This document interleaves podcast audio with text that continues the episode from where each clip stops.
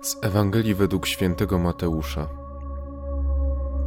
Gdy mędrcy się oddalili, oto anioł pański ukazał się Józefowi we śnie i rzekł: Wstań, weź dziecię i jego matkę i uchodź do Egiptu. Pozostań tam, aż ci powiem, bo Herod będzie szukał dziecięcia, aby je zgładzić. On wstał, wziął w nocy dziecię i jego matkę i udał się do Egiptu tam pozostał aż do śmierci Heroda. Tak miało się spełnić słowo, które Pan powiedział przez proroka: Z Egiptu wezwałem syna mego. A gdy Herod umarł, oto Józefowi w Egipcie ukazał się anioł pański we śnie i rzekł: Wstań, weź dzieci jego matkę i idź do ziemi Izraela, bo już umarli ci, którzy czyhali na życie dziecięcia. On więc wstał wziął dziecię jego matkę i wrócił do ziemi Izraela. Lecz gdy posłyszał, że w Judei panuje Archealos w miejsce ojca swego Heroda, bał się tam iść. Otrzymawszy zaś we śnie nakaz, udał się w okolice Galilei. Przybył do miasta zwanego Nazaret i tam osiadł. Tak miało się spełnić słowo proroków, nazwany będzie Nazarejczykiem.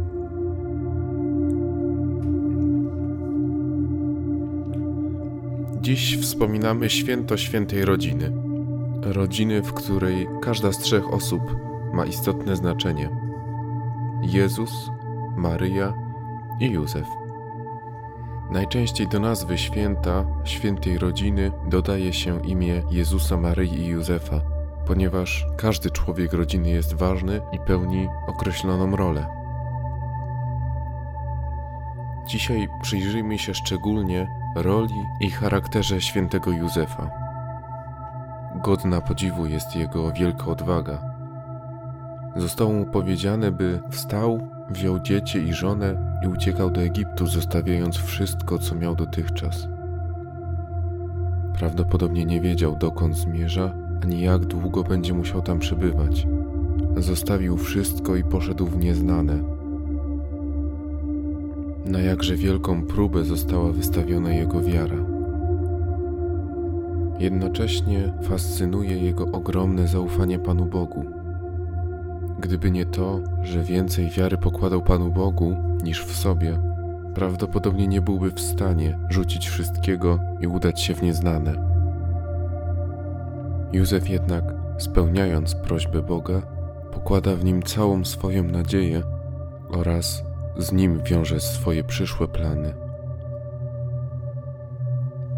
Istotną rolę w tym zaufaniu Panu Bogu odegrała jego ubogość.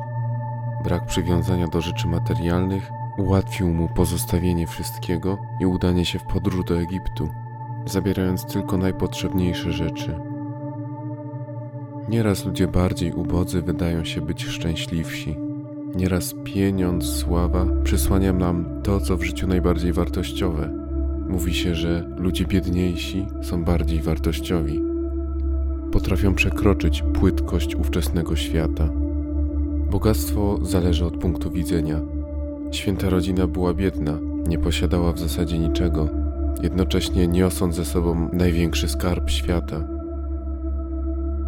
Nie mieli żadnego lokum, nie mieli wytrawnego jedzenia, ani nawet porządnego środku transportu.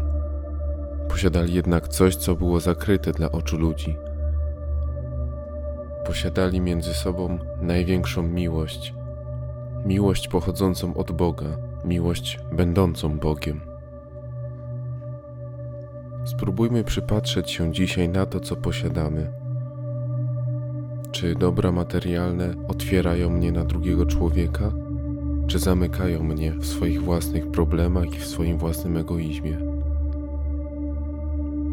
Czy pośród wszystkich posiadłości swoich jest jeszcze miejsce na tą największą miłość? Na miłość pochodzącą od Boga?